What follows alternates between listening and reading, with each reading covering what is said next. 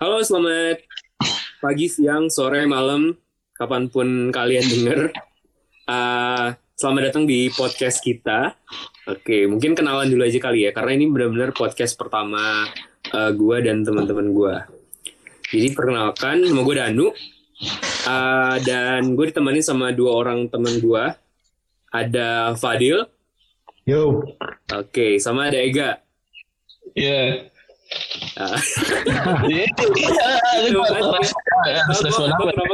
Gue denger lu ketawa. Ya kayak. Mungkin ada yang bisa bantu jelasin sama gue ini kita ini bakal jadi podcast apa sih? Mungkin dari judulnya ntar ketahuan sih. Cuma mungkin kalian mau menjelaskan atau enggak? Ya udah nih, mau gua atau Ega nih? Ah, serah. aja kali ya. Ya boleh. Oke, Ega. Oke, jadi em, podcast yang masih belum ada namanya ini ya. Ya.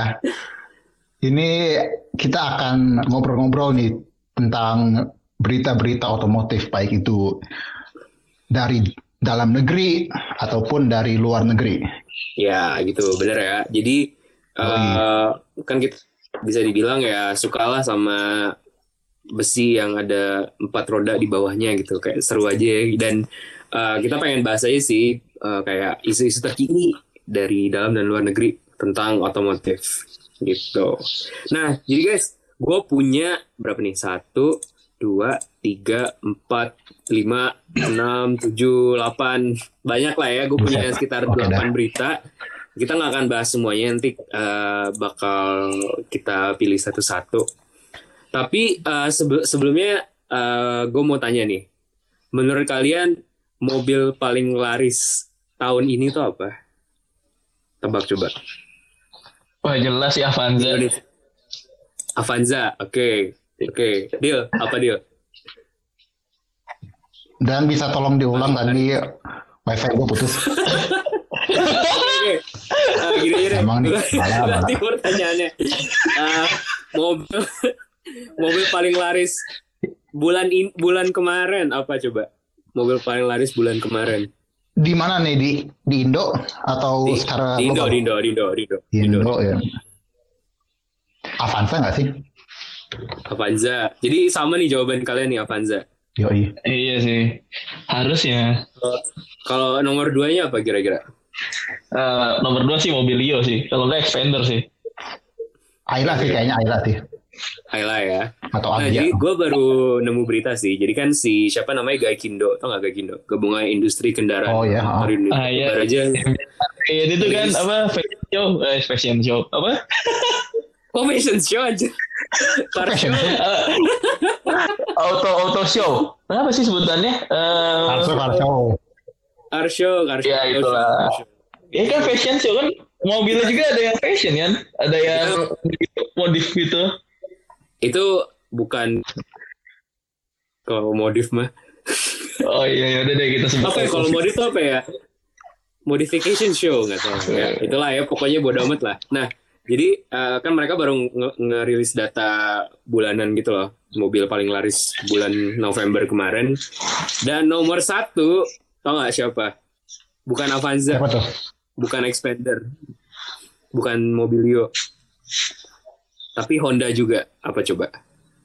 Oh jelas Honda Brio berarti. Eh, Iya Brio. Jadi jadi Brio eh pokoknya Brio urutan satu ya Brio, Avanza, Innova, Rush, Expander, HRV, Kayla, Fortuner, Pajero, Suzuki XL7. Eh, tapi emang pantas sih kalau misalnya gue lihat-lihat ya maba sekarang tuh bawanya brio kalau lo lihat di kampus wah itu berjajar brio warna-warni tuh iya benar benar benar. Gue paling sering lihat warna kuning sih. kuning. ah iya Iya. Iya. nggak tahu kalau di UI Dil, gimana Dil di UI lu kan biasanya mobilnya nggak kalau di UI Ya sebenarnya susah sih ya kalau kalau lu nanya gua soal di UI selama setahun ke belakang soalnya kan PJJ kan cuy. Gua kayak Iya, ke anjir. kampus juga jarang-jarang gua. oh iya sih Kan lagi WFH gak? Kan lagi Oh, iya. lockdown. Tapi yang menurut gua paling unik sih sebenarnya adalah eh, segmen Indonesia ini lumayan unik gak sih? Kayak kalau lu lihat di luar negeri kan orang lagi pada demen sama SUV ya. Tapi di sini MPV Hmm. semua anjir. Avanza, Innova, Rush gue bukan MP, bukan SUV sih itu MPV. Panjang gitu, Expander MPV, Kayla MPV. MPV sih itu lebih MPV ya. Jadi eh, gimana? Apa ya? Gue kira bakal kayak eh, apa Expander apa sih yang Expander Cross ya? Yang SUV SUV bohong-bohongan gitu. Ah, iya iya. Iya. Jadi Kayak cuma ditambah over fender itu kan. iya. Gue sih pasar ini agak agak jadi perusahaan perusahaan mobil dari luar mereka nggak bisa mereka nggak mau bawa SUV mereka karena nggak akan laku. Jadi kita bakal dapet eh, apa MPV campur SUV gitu-gitu sih kayaknya dalam beberapa tahun ke depan. Sayangnya, sayang. Kayak nggak ada mobil yang menarik aja kayaknya beberapa tahun. Kalau kalau kata gue ya em, bukan karena ya halo ini wifi gue lagi balapan nih sumpah. Dia gimana internet lu udah aman? Oke coy aman. Em, semoga. siap siap. Nah eh, oke sekarang kita move on ya eh, ke berita kedua. Jadi eh, oh iya tadi gue belum nanya sih pendapat lu dulu makanya gue pengen nanya kira-kira kira-kira menurut lu tahun depan itu bakal jadi eranya hatchback atau MPV slash SUV yang dicampur? Ah, atau kayak SUV beneran? Oke coy. Em, pasar Indonesia ya Gini sih, em, kalau menurut gue sih, gue ada yang pengen sedikit gue komentarin tuh, Em, sama yang lu bilang tadi kalau pasar kita itu unik. Karena ah ya sepengamatan gue sebenarnya nggak unik-unik banget. Cuman emang pasar negara berkembang seperti kita dan pasar negara maju kayak Amerika itu emang beda. Kayak kalau lu bandingin pasar kita sama pasar em, sebutlah Filipina atau Vietnam itu sebenarnya model-model yang dijual, model-model yang laku itu mirip-mirip kayak Avanza Avanza juga. Kayak em, hmm ya ya I see misalnya tuh gue kan gue ikut tuh em, grup soal mobil gitu kan di Facebook yang yang itu istilahnya tuh grupnya emang global gitu kan.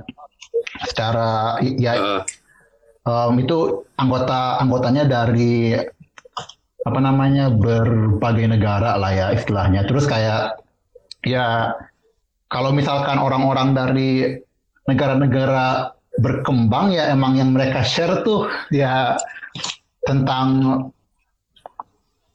model-model yang emang sebenarnya kalau buat kita juga udah biasa kayak Avanza, Innova. Em, kalau Brio sama Ayla sih gue kurang tahu sih itu juga dijual di luar atau enggak. Cuman ya itu Avanza sama Innova tuh yang cukup sering gue lihat ya. Meskipun gue nggak tahu eh, namanya apakah sama di, sama seperti di kita atau apakah diberi nama lain gitu, gue kurang tahu. Cuman kalau ya soal modelnya ya sama kayak di kita gitu sih. Oh iya, gue setuju sih. Gue juga baru inget sih gara-gara lu ngomong itu. Soalnya ternyata gue pernah nonton video gitu di YouTube Mhm. orang bule nge-review mobil Cina gitu. Ya Allah. Memang di Cina pun yang yang paling terkenal juga yang paling penjualannya paling gede ya itu juga Mhm. MPV gitu, Hmm, Avanza gitu. Dan iya iya iya. ya mungkin karena memang karena apa ya lebih fleksibel kali ya. Kalau lu beli Betul betul. mobil kayak di Eropa kan ya orang kayak hatchback gitu atau station wagon gitu kan mungkin ya Iya. keren gitu tapi Iya, kurang betul. kurang kurang versatile gitu Iya kayak bisa kalau pakai buat yang lain atau ngangkut barang Iya, kayak gue ngerasa orang negara berkembang tuh kalau beli mobil tuh emang bener-bener apa istilahnya hanya melihat nilai fungsi aja kayak seberapa seberapa banyak dia bisa muat, seberapa gampang dia servisnya, terus kayak seberapa percaya kalau dia kalau ini mobil bakal tahan lama gitu sih kak.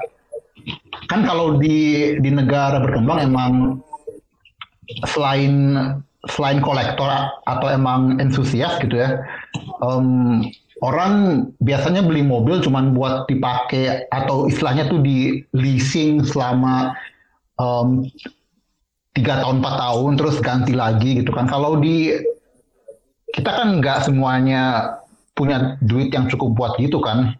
Ya makanya Iya. kayak buat uh, kayak kita emang Buat yang- nyari mobil yang bisa semuanya sih Iya ya, gue agree. Nah, ya, buat yang belum tahu ya, leasing tuh artinya disewa ya. Jadi kalau di Hmm. di luar sebenarnya di Indonesia juga ada sih, tapi di luar negeri tuh orang biasanya nyewa mobil dalam jangka waktu tertentu. Jadi mereka nggak punya, cuma pakai, tapi bisa tapi bisa dipakai tiap hari dalam jangka waktu yang Hmm. panjang gitu. Oke, gue setuju sih. Hmm. ya dan kalau leasing setahu Dan- setahu gue ya di akhir periodenya itu suka dikasih ini sih suka dikasih apa ya opsi gitu buat kayak nge-upgrade ke model yang yang baru gitu. Hmm, I see, I see. Ada sih, gue nggak tahu sih ya. Tapi kalau di Indonesia tuh ada tuh namanya Kinto tuh dari Toyota, Hmm. Toyota Astra, gue nggak salah. Ini bukan promosi ya guys. Tapi ini cuma itu doang yang gue tahu. Cuma itu doang yang gue tahu leasing program leasing di Indonesia. Ah iya iya. gue sempat lihat harganya sih lumayan reasonable. Apalagi lu nggak perlu pakai biaya servis kan. Betul betul. Tapi menurut gue itu masih bukan opsi yang menarik sih buat orang Indonesia. Hmm. Kayak orang Indonesia lebih suka Punya gitu ya. punya sesuatu Hmm. daripada nyewa. ah. Yo iya. Setuju. dan eh, apa ya masalah yang tadi ya yang orang beli eh, apa eh, sesuai dengan fungsinya gue setuju sih Del cuma menurut gue orang orang Indonesia tuh juga punya peng juga pengen mobil mereka tuh juga terlihat unik dan Iya. gue pakai tanda kutip sporty. Jadi gue kayak misalnya gue lihat di review gue pernah gue lihat review Ayla atau Agia gitu ya salah satu reviewer di Indonesia. Eh, mereka eh, fot- fotonya Agia Agia yang paling tinggi kan dan ada kata-katanya lebih sporty dari Brio. Terus gue mikir oh wow jangan-jangan eh, meskipun nggak sporty tapi ya fun to drive gitu kan dan sebagainya.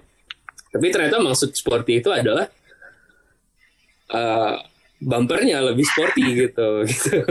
Lo agak kayak oh oh gitu maksudnya. Gitu. Jadi ya ha, sa- misalnya eh, kita gua gua gua setuju sih yang fungsional cuma sayangnya adalah gara-gara itu kita dapat mobil yang nggak menarik di pasar Indonesia ya. Betul, setuju sih. setuju nggak Dan Uh, emang ini sih emang em, kalau dilihat secara apa namanya em, sejarah juga seingat gua tuh emang pasarnya kita tuh nggak bener-bener kayak free market kayak di pasar otomotifnya kayak Amerika atau Amerika. Eropa gitu ya kayak banyak kepentingan lobby-lobby gitu yang main di belakang.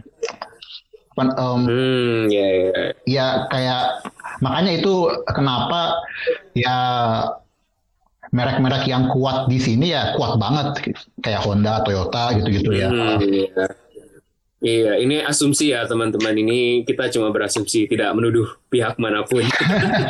Eh dan dan iya gak? Iya dia.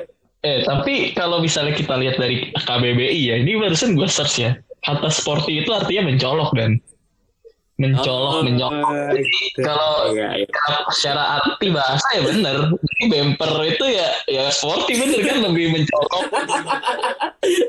Bener sih. Oke, Cuman kalau kayak gitu berarti dengan definisi itu berarti kayak lu ngecat angkot lu warna kuning neon, lu kasih em, lampu underglow di bawahnya warna pink, lu kasih pelek Nah, itu sporty, sporty Dik. ya. Iya sporty Oh, itu, iya, bener sporty. Ya. Bisa bisa dikatakan sporty itu. Gue juga baru baru tahu sih kata arti sporty. Gue gue kira sporty itu kayak misalnya lebih ke arah Sport eh, penggantian mesin atau ya ke arah sport lah pokoknya mobil-mobil lebih bertenaga. Ternyata sporty itu mencolok cuy. Ya kalau kata gue sih itu arti kayak arti sporty di di Indonesia itu bisa kayak gitu ya karena emang selama ini di- dipakainya oleh marketing marketing mobil di sini emang kayak gitu. Eh, Iya sih, kan orang Indonesia suka pamer. Iya, dan kan yang yang namanya kata-kata kan maknanya juga ditentukan oleh bagaimana kata kata itu dipakai gitu kan. Iya, iya, benar-benar. ya jadi sebenarnya gini guys, kayak kita nggak ngejudge kalian misalnya kalian beli Agia terus kalian modif pakai pakai bumper uh, direndahin banget uh, apa peloknya bengkok gitu itu ya terserah kalian itu kan mobil kalian Iya. gitu. Cuma uh, dari segi ininya maksud kita adalah uh, disayangkan banget bahwa untuk kita tuh dapat mobil yang dari segi fungsionalitas doang gitu. Sedangkan kalau misalnya sebagai seorang yang suka mobil gitu, kita kayak ngiler gitu ngelihat, oh gila nih mobil A B C D dijual di Eropa gitu. Murah tapi eh, asik di fun to drive gitu gitulah ya. Intinya kayak gitu Betul kan. betul betul. Heeh. dan apa ya? Dan dan setuju sih kayak kalau emang definisi sporty KBBI seperti itu gitu ya, seperti yang Ega bilang gitu. Berarti sebenarnya reviewer selama ini nggak salah reviewer-reviewer di Indonesia. Ketika mereka refer sebuah mobil sebagai sporty ya berarti mencolok gitu ya gak maksud lo gak?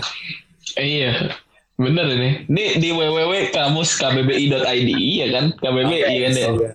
Iya. Gitu. Sebenarnya ada sih dulu tuh sempet ada mobil eh tengok Brio yang generasi pertama. Jadi Brio generasi pertama itu mereka punya versi RS-nya kan. Nah, RS itu Hmm. katanya katanya ya, gue nggak tahu, gue nggak pernah nyetir juga. Katanya itu suspensinya lebih keras, Hmm. itu lebih sport. Iya. Terus HP-nya nambah nambah dua, nambah dua HP.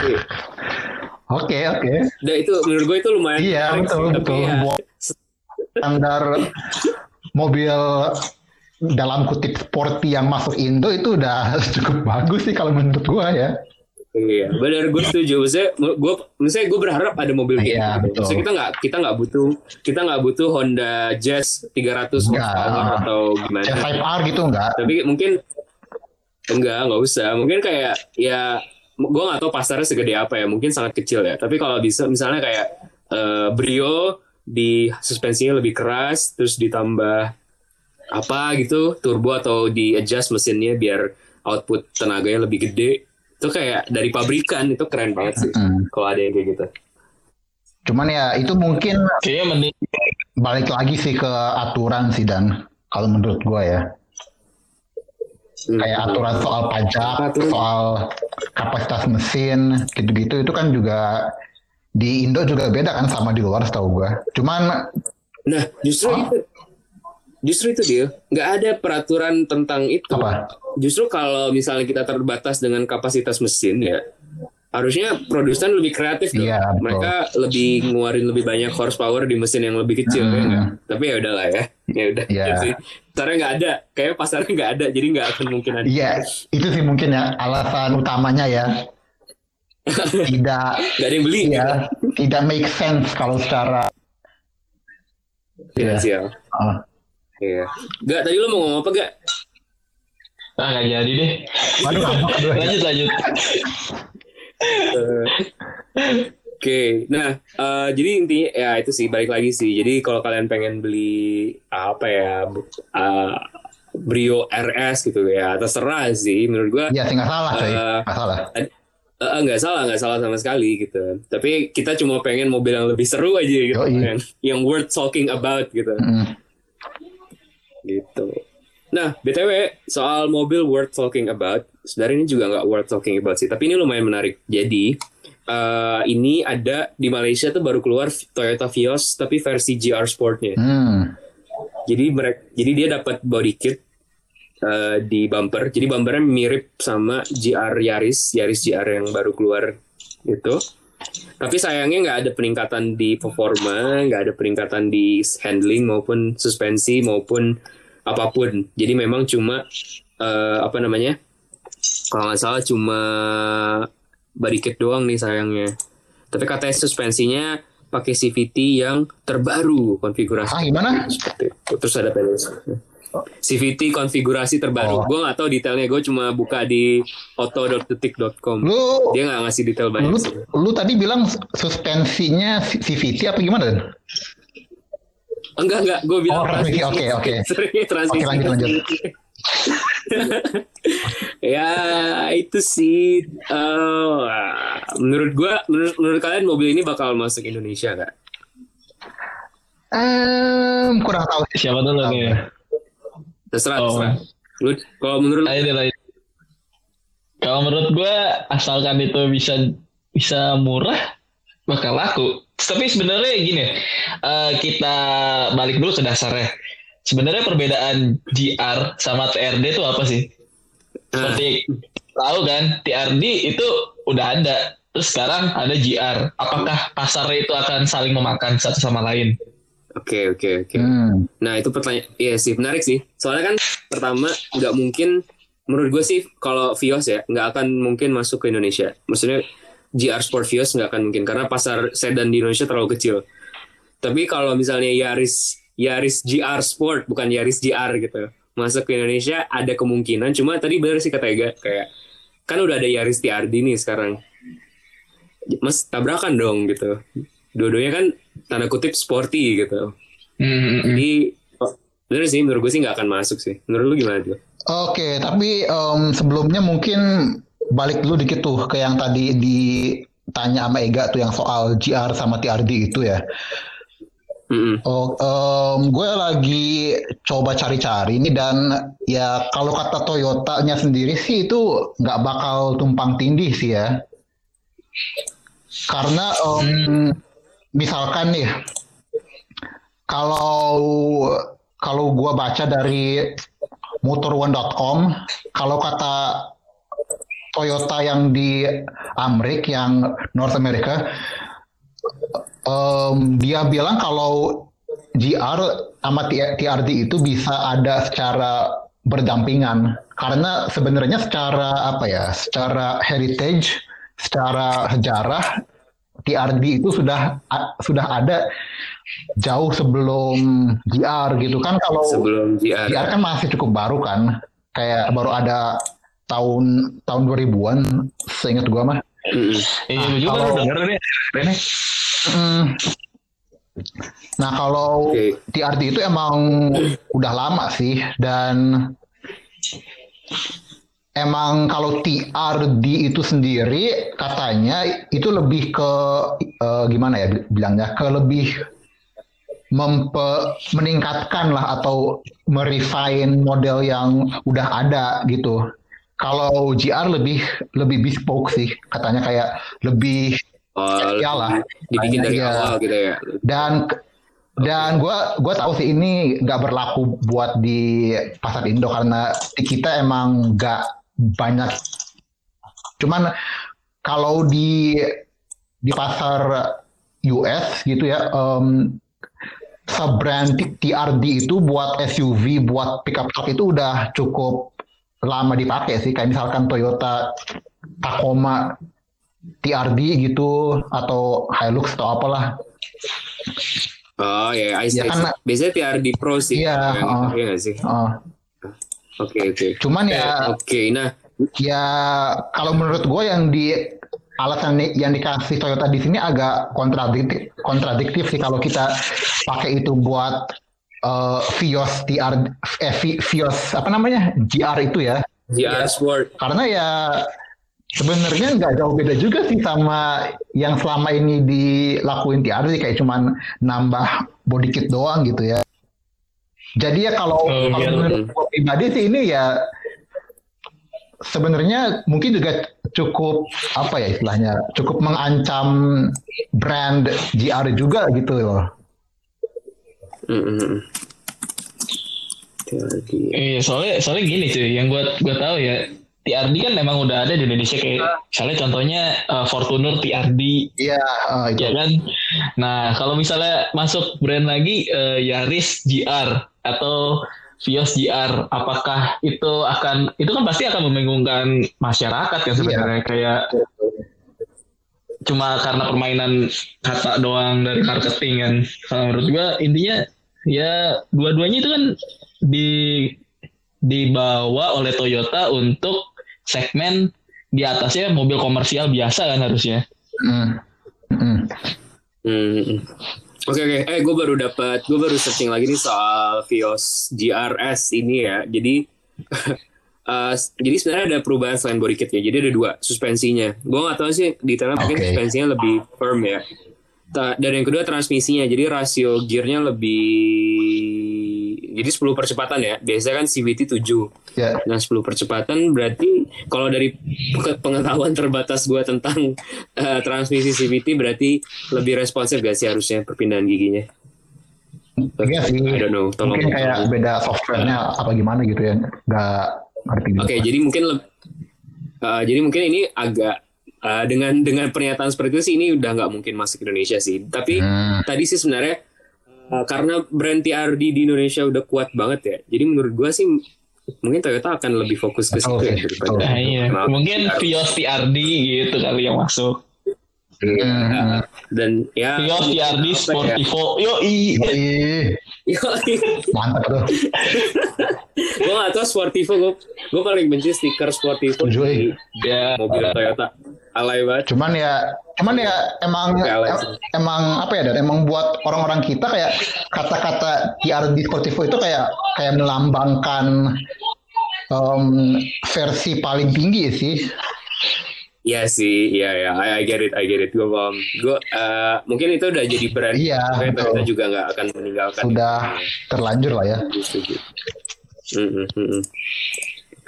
Oke, eh, tar beritanya hilang guys. Tadi gue tadi mau bahas itu. Ya hilang. Berarti Kita fix, keluar negeri berarti fix, bisa. fix nggak masuk ya tadi ya. Kalau yang masuk, GR. nggak masuk. Nah, soalnya ada, soalnya ada tadi kan ada improvement di suspensi dan Iya itu Eh, jarang tapi Dan- Indo ya. Dan ini bisa aja masuk. Ah. Soalnya kalau kita lihat, oh ah, enggak sih.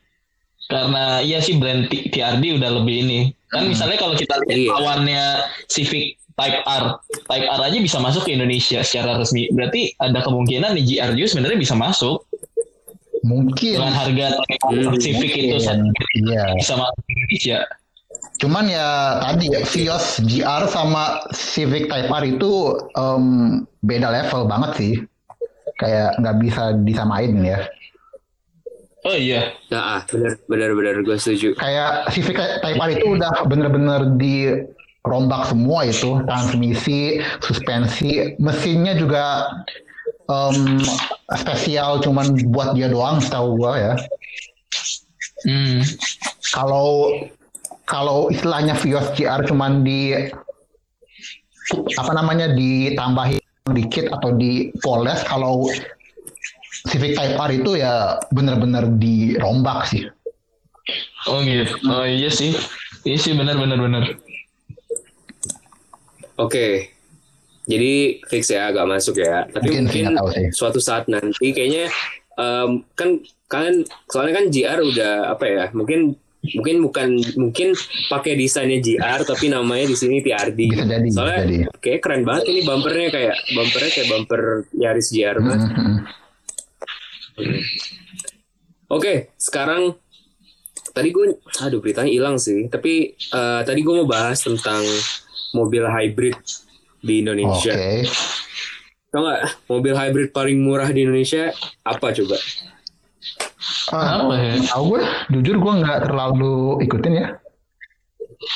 Apa gak? Biasa lo tau gak? Harus lo tau. Mobil hybrid paling murah di, di Indonesia. Ya, Wah. mobil hybrid paling murah. Eh, Prius Kagak lah coy. Hmm, Itu mahal. Itu yang yang Swift yang hybrid yang baru dijual nggak tuh di Indo? Ya, Oh. Swift, Swift. ini ya eh, apa Altis Cross Bukan. Dikit Bukan. lagi, dikit lagi. Eh, apa namanya turun Corolla lagi, Cross kan? turun satu level lagi. Ya, oh iya Corolla Cross oh, iya Oh, iya, Altis sih Nah, Bener ya? jadi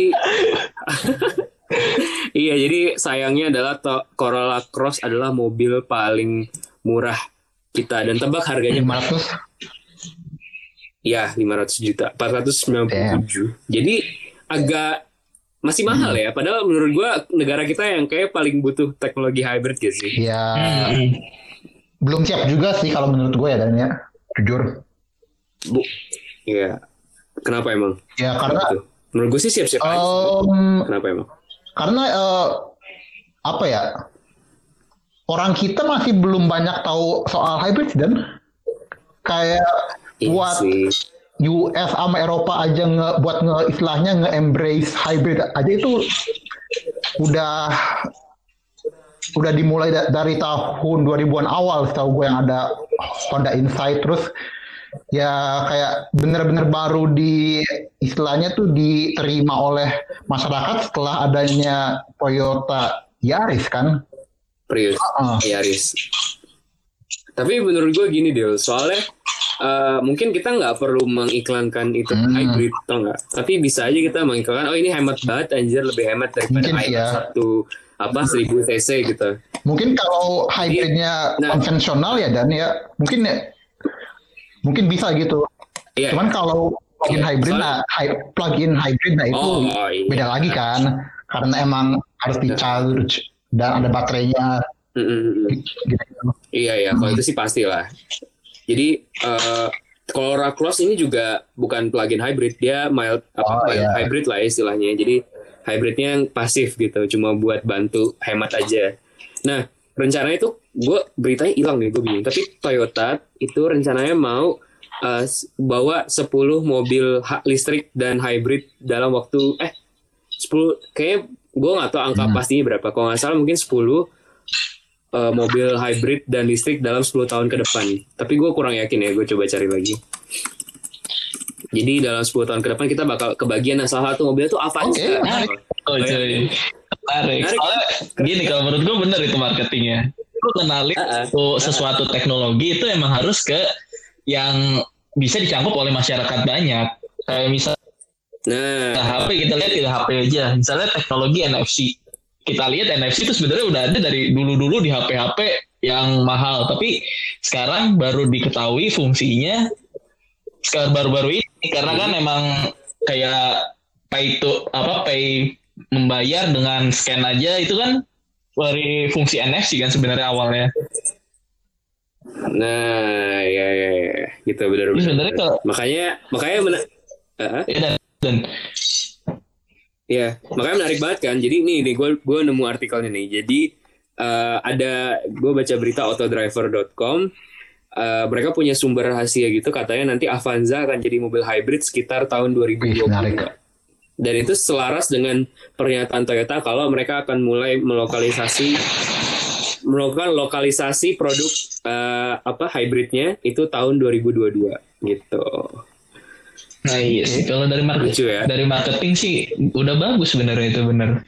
Kita mulai dari produk yang emang benar-benar udah dikenal oleh masyarakat dibawalah teknologi di situ Ya, bayangin aja Avanza 40 km per liter gitu, gila. Kayak fix sih, gue kalau punya keluarga, punya anak, kerjaan Iya. gue beli sih itu pasti. Bensinnya sehemat itu. betul kan. betul. Cuman Iya. agak aneh nggak sih kayak di satu sisi lo pakai hybrid canggih pakai baterai dan lain-lainnya itu cuman di Ah. sisi lain lo masih pakai chassisnya itu pasti masih chassis em, iya chassis ya yang bodinya tuh misah kan kalau Avanza Oh, iya, iya, iya. iya eh, body on frame itu aja kan iya bener Iya sih. Gue setuju. Gue, iya sih. Tapi ya, saya menurut gue cara Iya terbaik betul sih buat sih. mengenalkan hybrid. iya kenalin Iya dari Soalnya- perspek- perspektifnya iya perspektif marketing lah ya betul. Mungkin kalau lu ngenalin brand itu dari produk paling mahal Hmm. gitu kan. Punya mobil flagship gitu ya Iya. mobil sport. Tapi kalau kenalin teknologi kayaknya emang paling bagus dari yang paling bawah. Biar orang pada tahu oh ini ini loh ternyata guna sebenarnya benar juga dan. Kalau mengenalin dari yang paling tinggi awalnya dari paling tinggi terus setelah itu baru kita bawa ke yang paling rendah gitu untuk masyarakat mencobanya. Ah halo iya sih betul. Sih dan dan teknologi hybrid hybridnya Toyota kan udah cukup lama kan di Camry.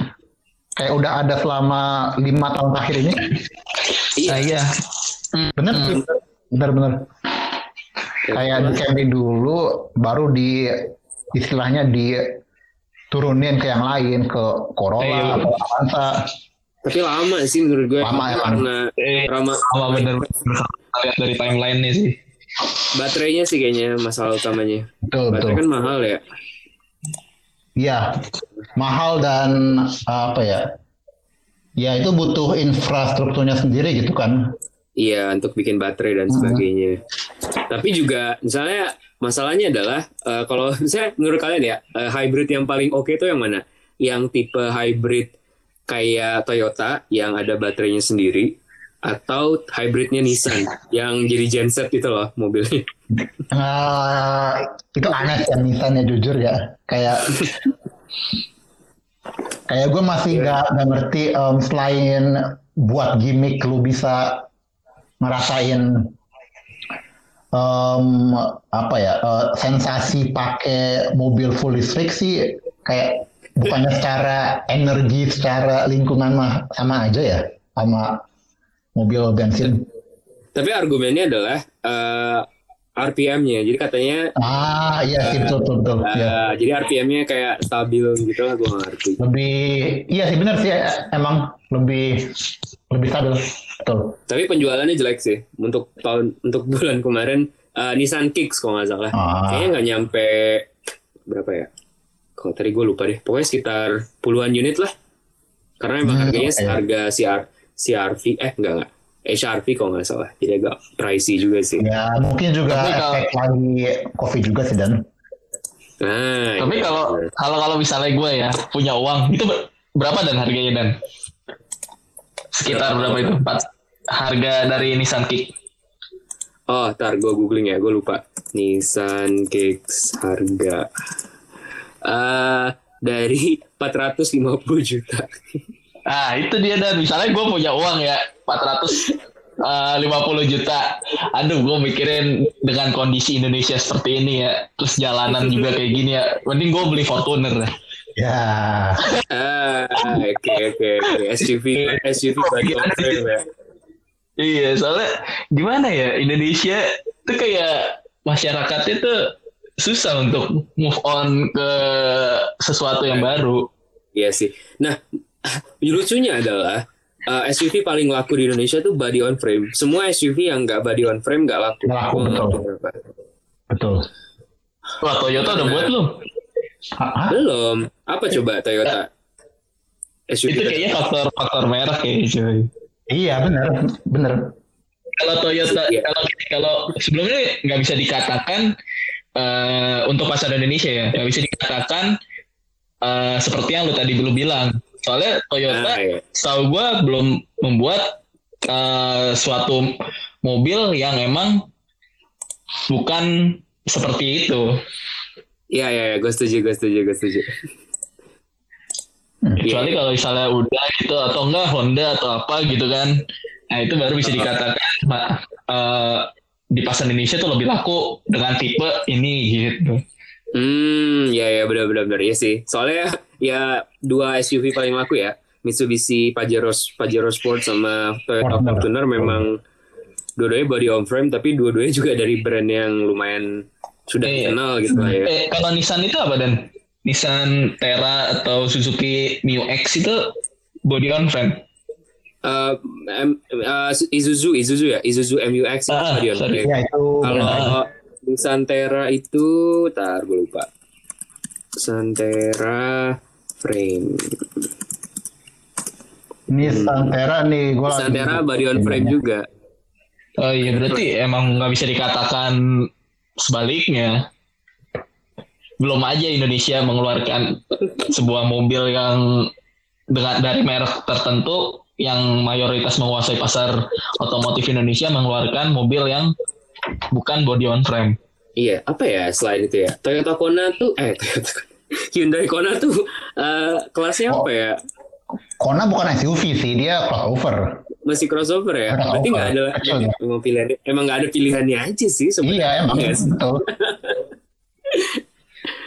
dan, dan emang kalau emang SUV full size emang banyaknya body on frame sih gue rasa ya Iya iya, mau memang. di sini mau di luar juga Hmm. Oh itu ada sih. Gue sebagai uh, pemula ya, baru tau gue ada SUV apa full apa tadi? Kalau kata lu dia Eh, full size Eh, full Ah, size. full size. Iya, gue baru tahu. Kalau Toyota Land Cruiser apa? Body and frame juga ya. Tahu gue sama ya. Huh. Oh itu Toyota Land Cruiser itu uh, SUV full size. Ya kan dia seukuran ya, seukuran Fortuner lah. Oh kalau kalau yang kan kalau sedan itu kan istilahnya ada, ada big sedan, mid sedan gitu kan. Um, compact, full size sama Ah, ya, kalau kalau Fortuner gitu masuk ke full. full size itu sama gue itu yang yang gede. Oh, Eh, gue baru tahu sih itu. enggak. Kalau kalau kita pakai standar Amerika ya, Fortuner tuh small size SUV. Eh iya sumpah. Hmm. Ya oke mungkin Ah, so- oh, ya. oh, gue tahu. Enggak, enggak, enggak, enggak, enggak. Sorry, sorry. Uh, Fortuner tuh mid size, tapi small size SUV itu CRV. CRV itu small size SUV. Ya, sorry. Hmm. Oke oke bisa sih bisa. Aku baru tahu ada SUV juga ada itunya juga ya. Ada ada. I- Ada, ada, ada kategorinya juga. Ya Makanya kayak tadi kan gue bilang ya, oh, small, small SUV kan mau masuk Indonesia tadi kan, yang gue bilang.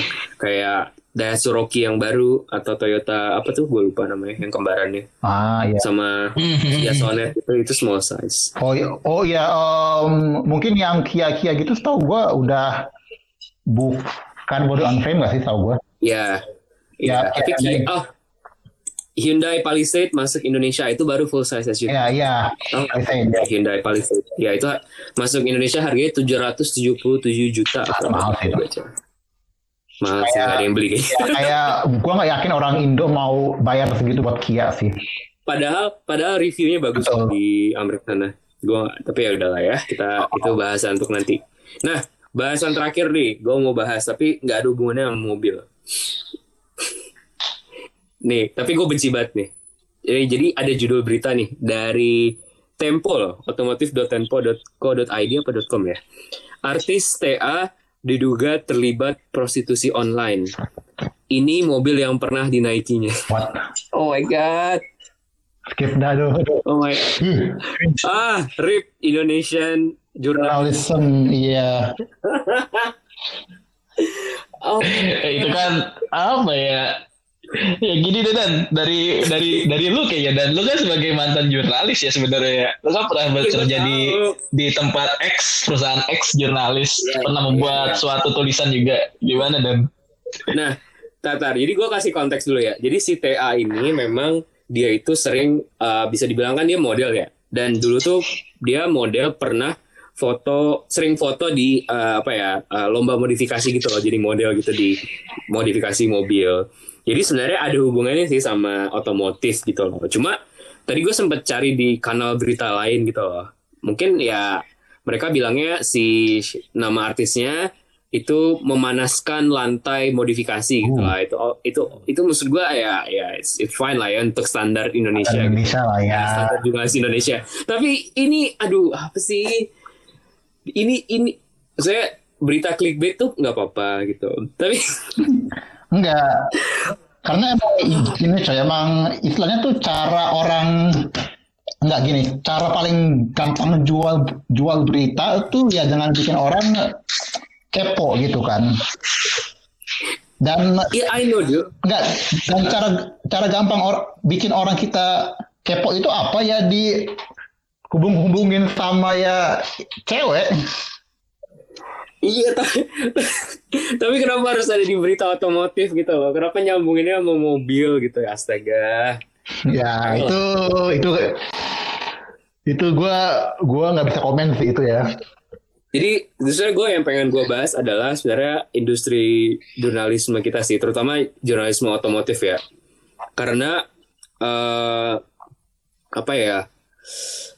Eh, bukannya gue mau mengkritisi orang-orang yang udah sering review mobil atau gimana ya, cuma gue belum gue belum menemukan eh satu apa reviewer mobil pun nih eh, kecuali ada beberapa sih, ada beberapa kayak Ridwan Hanif tuh menurut gue lumayan paham lah ya tentang lu perlu beli mobil ini gak sih gitu dan sebagainya. Tapi untuk beberapa reviewer yang lain tuh kayak ya udah review da- mobilnya data lu review oh bagus ya gini gini gini sporty ya gini gini gini.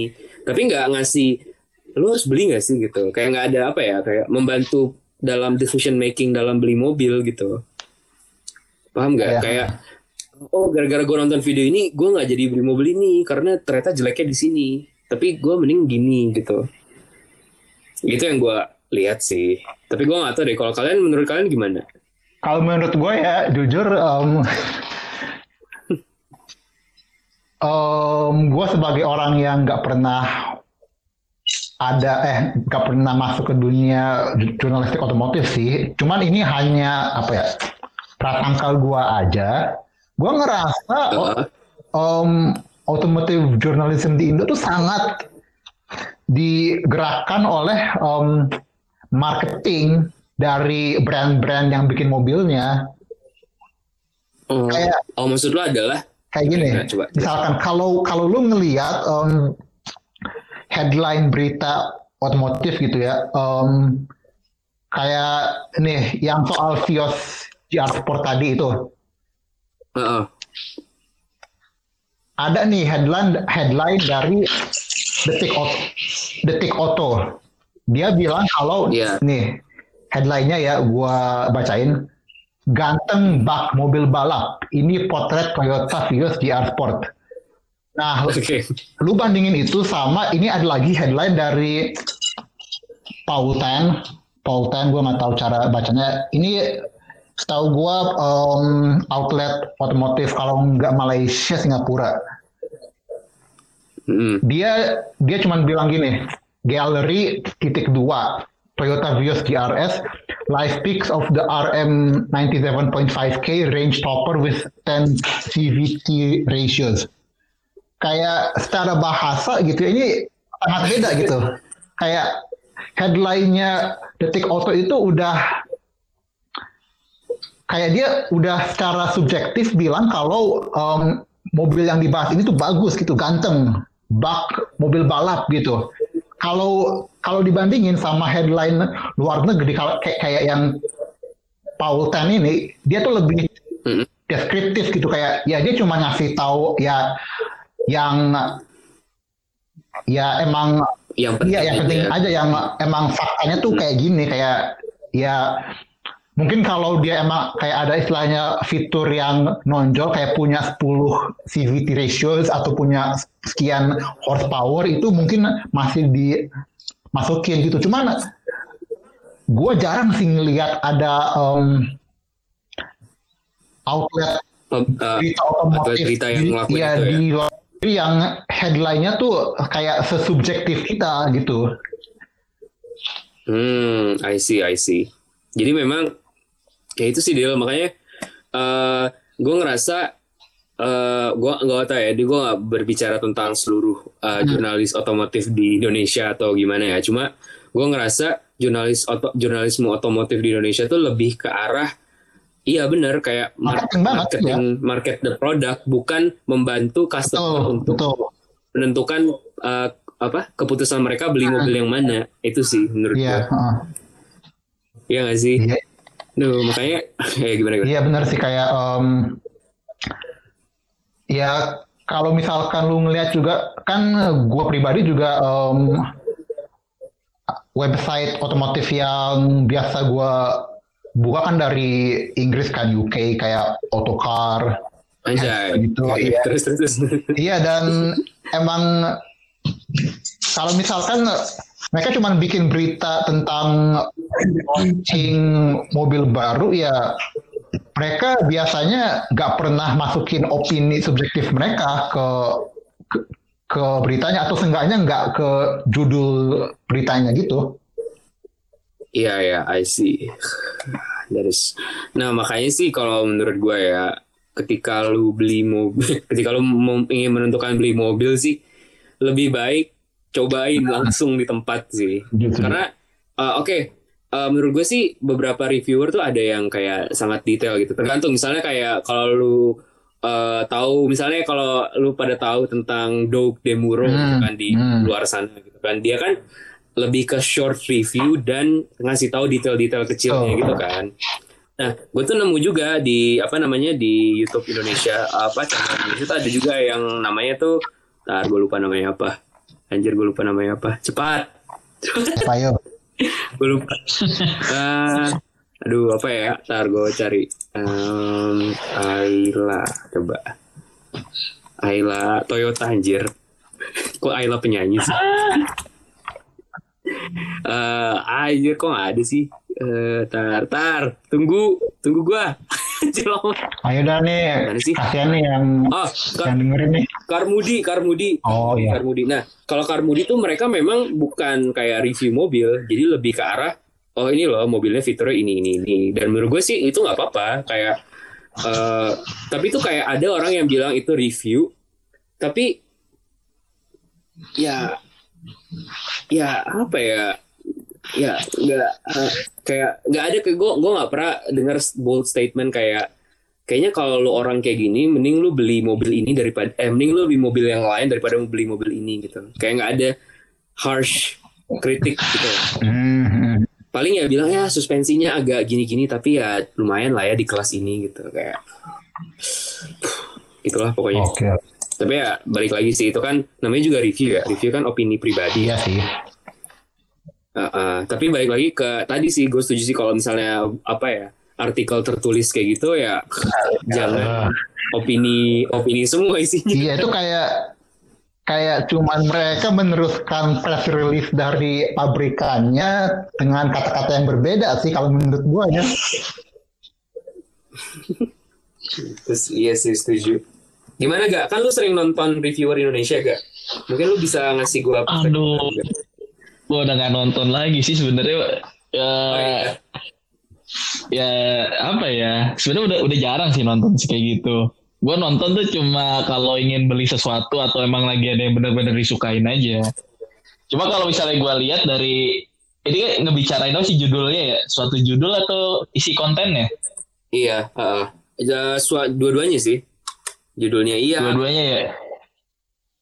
Eh kalau kalau gue lihat kalau dari judul mungkin yang jadi masalah tuh sebenarnya produk Indonesia yang monoton.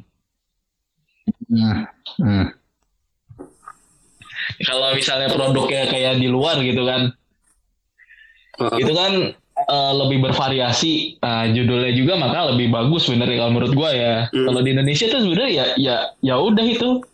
Itu ya ya udah itu. Paling lu cuma tinggal permainan kata doang. Kalau gua lihat-lihat artikel-artikelnya ya sama-sama aja sih inti-intinya iya. Nah kalau misalnya isi kontennya emang bener paling bagus tuh kalau suatu reviewers itu memberikan suatu opini pribadi dengan suatu pertimbangan apakah eh, layak untuk membeli produk tersebut dengan dengan apa ya istilahnya ya? Eh, kayak misalnya gimana? eh, lu butuh ini ini ini tapi tidak butuh itu itu itu. Nah kalau bisa sih sebenarnya review konten itu harusnya menyertakan suatu itu Hmm, I see. Ya, ada makanya- makanya gue juga bilang sih ini nggak ber, ber- ini nggak untuk semua reviewers di Indonesia ya, karena karena banyak juga kok yang ngelakuin hal itu gitu. Cuma eh pada akhirnya menurut gue sih, ter- saya jurnalis otomotif di Indonesia masih kurang dewasa. Entah memang karena medianya kurang dewasa atau audiensnya juga kurang dewasa sih. Oh, ya pasti dua-duanya sih dan gitu. Iya, itu. Maksudnya kita nggak pernah dengar ya eh, pertimbangan eh, mungkin kayak eh, apa ya? Gue nggak tahu sih kayak marketing mobil Indonesia kok nggak malah nggak malah menekankan fuel ekonomi ya kayak nggak ditulis gitu loh. Hmm, iya, kalau betul. Gue kayak gue tahu itu mobil hemat sekian eh, pas pas gue nonton YouTube gitu kayak testing gitu orang yang testing gitu. Kenapa? Tapi kenapa nggak pernah diiklankan? Sekali sekali pas gue denger eh, pas gue ke dealer dan gue denger fuel consumption itu pas gue ke dealernya Kia dan dia ber- dia bilang oke fuel consumptionnya 18 banding satu gitu. Tapi gue ke dealer yang lain nggak pernah dimention sekalipun. Menurut gue sih agak aneh ya. Apa emang orang Indonesia nggak peduli soal konsumsi bahan bakar ya? Mungkin emang kayak secara secara consumer rights emang di Indonesia sangat tertinggal sih kalau menurut gua. Kayak konsumen kita kayak mungkin istilahnya gampang banget di setir sama pabrikan sih. Gitu. Nah iya sih. Makanya balik lagi ke tadi ya. Ada pabrikan besar, nggak tahu lah pabrikan besar itu ya. yang mungkin terlalu terlalu menutup pasar gini ya. Jadi Mm-mm. kesannya close market gitu nggak sih? Iya. Itu apa Tapi sih? nggak tahu lah ya. Pabrikan besar ya. Yang ngerasa pabrikan besar aja ya, kalau nggak ngerasa Iya. nggak usah. uh, Apa sih istilahnya monopoli? Bukan. monopoli pasar ya? Enggak. Nggak uh, monopoli sih gak, tapi monopoli, saking tapi ada lebih lebih dari satu itu ada istilahnya gue lupa. jadi banyak persaingannya, cuma mereka saking gedenya mereka Iya. menguasai pasar gitu nggak sih? Iya betul betul. Oh iya sih. Oh iya saat dia Iya Heeh. dikuasain oleh satu satu brand lah satu ini. Betul betul. Apalagi ada, monopoli. ada sat- apalagi ada satu perusahaan yang megang banyak eh, brand mobil di Hmm. Indonesia. Iya. Tahu siapa ya? Nggak Ya. juga. Hmm. Ya tahu sendiri lah ya siapa. Iya, maksud gua, iya makanya gue juga heran kenapa sih pabrikan lain susah banget masuk ke Indonesia, terutama Prancis yang udah lama ya main di Hmm. Indonesia dan Korea yang baru masuk di sini. Cina mungkin udah ada sedikit improvement, tapi menurut gua mereka juga masih kesulitan sih. Kalau tahu kalau kata gue Cina sama Korea udah lebih masuk Korea sih dan. Iya, makanya. Tapi gue nggak tahu kenapa susah banget buat Cina, Prancis, Korea untuk masuk ke Ya Indonesia. itu itu dia. Kayak mereka harus kong kali kong gitu loh, bikin satu Hmm. marketing move yang gede gitu. Kayak Jepang eh, nggak bagus-bagus amat kok atau gimana? Kita Iya juga sih. bagus gitu atau gimana? Gue nggak lah ya. Oke, oke. Mungkin ini nggak kerasa udah hampir sejam, udah sejam malah ya. Wah iya anjir Um, sama juga. Oke, gila. Nah, eh, udah banyak kita bahas. Eh, apa lagi ya? Eh Witan, em, Kenapa kenapa? sebelum sebelum ini ditutup, gue mau ngasih ini. Em, mungkin istilahnya fun fact dikit lah ya. Iya. Karena karena kita tadi tuh udah ngomongin tuh soal Vios GR Sport itu em, mungkin perlu juga nih diomongin mobil GR Sport yang aslinya yaitu Yaris GR Sport. Ah ya, gimana? gimana? Nah, kan banyak kan yang bilang kalau itu mobilnya itu adalah homologation car gitu kan dibikin untuk em, untuk berkompetisi di kejuaraan WRC gitu kan ya. Tapi gue baru tahu nih em, setelah nonton videonya Carfaction di YouTube ternyata itu nggak jadi dipakai untuk homologasi WRC Lah, terus jadinya apa?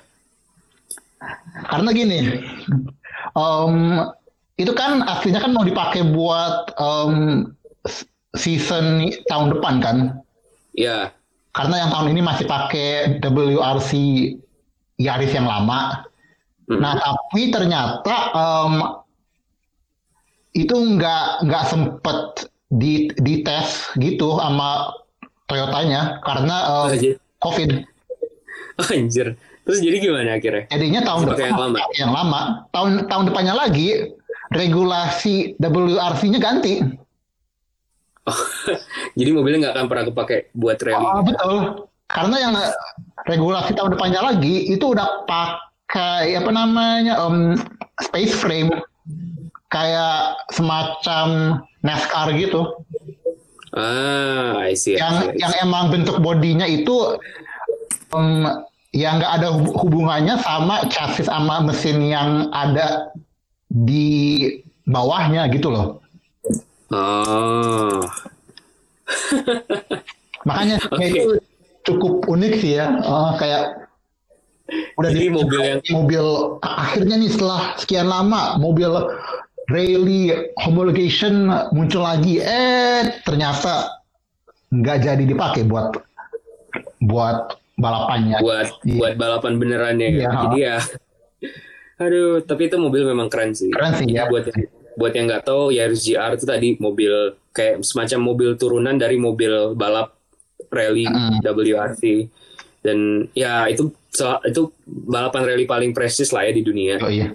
Dan makanya banyak orang terutama yang benar-benar kayak mobil suka mobil itu kayak tertarik banget sama mobil ini karena jarang-jarang loh mobil kayak gini ada gitu benar-benar Hmm. mobil dibuild dari awal untuk rally gitu Mm-mm. dan dijual lagi Nah itu dijual. dan katanya limited run ya misalnya tapi nggak nggak limited Oh, banget enggak deh. kayaknya limited run deh kayaknya nggak tahu ya. Enggak, enggak. Um, Yaris GRMN yang sebelumnya iya. Yang GR Sport, gue belum pernah baca kalau itu limited sih, tapi nggak tahu juga sih. Tahu gue enggak. Hmm, jadi katanya sih eh tergantung demand sih katanya sampai Ah. 25.000 ribu unit katanya, which is banyak sih. Jadi, Nah itu dan itu yang angka 25 ribu, 25 ribunya itu, itu sebenarnya asalnya dari aturan WRC. Hmm, tapi di sini dia bilang sih, gue baca berita di Car Throttle dia bilang eh, meskipun WRC di cancel, Hah? tetap bikin 25 Hmm, oke. Atau bahkan lebih ke- tergantung dari demandnya. Dan menurut gue demandnya bakal tinggi sih, terutama di Eropa ya. Dan Tapi kenapa nggak masuk Amerika ya? Aneh banget. hot hatchback udah Udah mati. udah mati kali ya.